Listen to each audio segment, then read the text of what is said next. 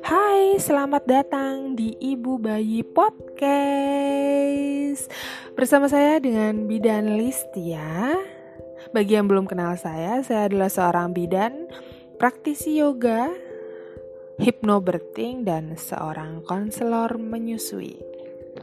Oke, hari ini kita akan membahas tentang ya sesuai dengan judulnya ya, menyusui sebagai alat kontrasepsi. Hah, jadi alat kontrasepsi alami itu salah satunya adalah dengan cara menyusui.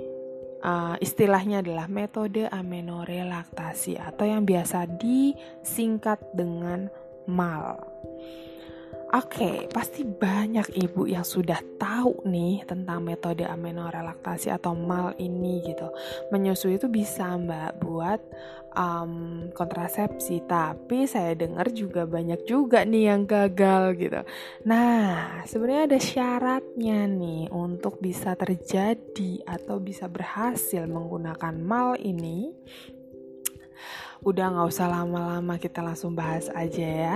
Jadi ada empat syarat. Yang pertama adalah ASI on demand atau menyusui secara rutin.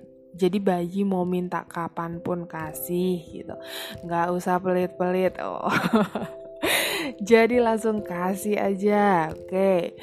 Jadi kalau misalnya um, syaratnya adalah menyusui itu minimal 8 sampai 12 kali dalam sehari. Oke, okay. jadi kalau misalnya dihitung nih secara kalkulator gitu, itu ibaratnya 24 jam dibagi dengan 8 itu setiap 3 jam sekali. Oke, okay. kalau misalnya setiap 2 jam sekali berarti 12 kali menyusui. Oke, okay. kebayang ya. Jadi kalau misalnya menyusui itu minimal adalah 8 kali sehari atau 3 jam sekali menyusui atau on demand semau-mau dia deh mau nyusu kapan pun tiap jam juga ayo gitu kan. Nah kemudian syarat yang kedua yaitu tidak menstruasi. Hmm banyak nih yang udah tahu kalau kalau belum mens itu berarti masih bisa tuh nggak hamil gitu kan. Tapi ada juga yang bilang kalau nggak uh, mens itu bisa aja loh hamil. Oke, kita akan ulas satu persatu. Kenapa sih kalau tidak mens itu dianggap bisa nggak hamil gitu kan? Nah, tadi nih ini ini salah satu syarat ya. Jadi kalau misalnya belum empat empatnya belum terjadi, belum dilakukan, itu berarti tidak bisa menjadi patokan benar gitu kan. Oke, yang pertama, kalau misalnya tidak menstruasi, apa sih yang terjadi dalam tubuh kita gitu.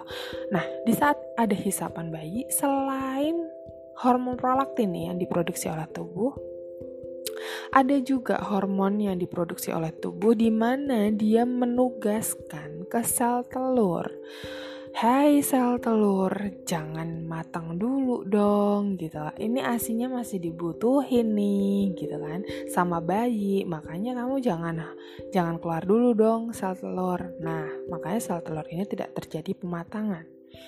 Kalau dia terjadi pematangan, ini ini bahas tentang sirkulasi menstruasi ya jadinya ya. Oke, lanjut ke sirkulasi menstruasi. Nah, kalau misalnya terjadi pematangan sel telur, sel telur matang plum keluar nih. Sel telur matang keluar dari ovarium. Oke, setelah keluar, kemudian dia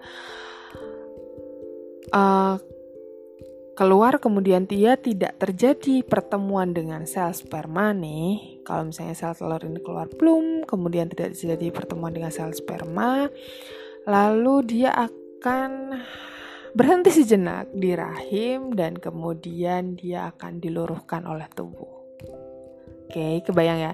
Jadi di saat tidak terjadi pertemuan dengan sperma, dia akan diluruhkan oleh tubuh menjadi menstruasi atau darah menstruasi. Oke, gimana dengan kalau terjadi hamil? nah, ini nanti kita akan bahas di akhir kali ya, biar tidak membingungkan. Oke. Nah, kemudian syarat yang ketiga nih. Ya, syarat yang ketiga adalah tidak jauh dari anak lebih dari 4 jam. Wait, lebih dari 4 jam? Yes, harus harus kurang dari 4 jam itu jadi maksudnya gini, kalau misalnya lebih dari 4 jam berarti kan ibu kalau misalnya ibu jauh dari anak lebih dari 4 jam itu berarti ibu tidak menyusui anak lebih dari 4 jam. Di mana itu akan mm, meningkatkan resiko untuk bisa hamil lagi kebayang ya jadi kalau misalnya ibu tetap dekat nih sama anak sebenarnya tiap hari ketemu, tiap hari nempel gitu, tapi menyusuinya lebih dari 4 jam, sempat sekali aja lebih dari 4 jam itu sudah meningkatkan resiko untuk bisa hamil lagi. Oke, okay. sebanyak 5% yang saya baca, sebanyak 5% akan terjadi peningkatan.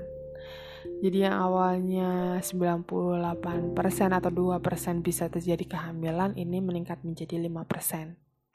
Kalau misalnya ditunda lagi berarti meningkat lagi resikonya untuk bisa hamil. Gitu aja terus. Kebayang ya. Jadi kalau misalnya hmm, jauh dari anak lebih dari 4 jam atau tidak menyusui anak lebih dari 4 jam, it means kamu beresiko untuk bisa hamil lagi. Oke. Okay? Kemudian yang keempat, usia anak itu tidak boleh lebih dari 6 bulan atau di bawah 6 bulan. Kalau misalnya di atas 6 bulan ada resiko untuk terjadi kehamilan. Oke, okay, jadi kalau misalnya anaknya usianya masih kurang dari 6 bulan, kemudian syarat yang tiga tadi yang saya sebutkan itu ada, jadi ibu masih aman nih, masih bisa nih menikmati tanpa menggunakan bantuan alat kontrasepsi lainnya. Nah, kalau misalnya ada salah satu dari empat ini tidak terpenuhi, kami sarankan untuk menggunakan alat kontrasepsi. Terserah mau pilih apa pun. Oke. Okay. Nah, gimana kalau enggak mens, Mbak? Jadi tiga jadi saya anaknya udah lebih dari enam bulan gitu udah enam bulan plus. Dan saya belum men saya juga aslinya on demand gitu aslinya juga ngasihnya eksklusif ngasihin semau maunya dia lah aku kasih gitu. Anak juga nggak pernah jauh dari saya kayak gitu kan. Tapi anak saya usianya udah di atas enam bulan gitu. Terus gimana dong Nah, kalau misalnya anak usianya di atas 6 bulan walaupun tidak mens, ini kita bahas ya, ganti yang tadi ya, kita ulas lagi. Oke, kalau misalnya tidak mens namun anak usia lebih dari 6 bulan, kenapa kok bisa terjadi kehamilan? Bisa aja nih sebenarnya yang terjadi di dalam tubuh adalah sel telur nih keluar plum keluar Kemudian ternyata terjadi pertemuan antara sel telur dengan sel sperma. Terjadi pertemuan, mereka ternyata cocok gitu kan. Kemudian berubah menjadi zigot dan dia nempel di rahim. Apa yang terjadi? Tidak terjadi menstruasi, namun yang terjadi adalah kehamilan. Oke, warning nih ya. Jadi kalau misalnya usia anak sudah lebih dari 6 bulan dan tidak mens, harap-harap cemas. Jika Bunda merasa bermanfaat, silahkan share podcast ini agar banyak Bunda mendapatkan manfaat yang sama. Jangan lupa follow Ibu Bayi Podcast biar saya semakin semangat untuk posting setiap minggunya. Rencananya saya akan berusaha untuk posting setiap hari Kamis jam 19 waktu Indonesia Barat.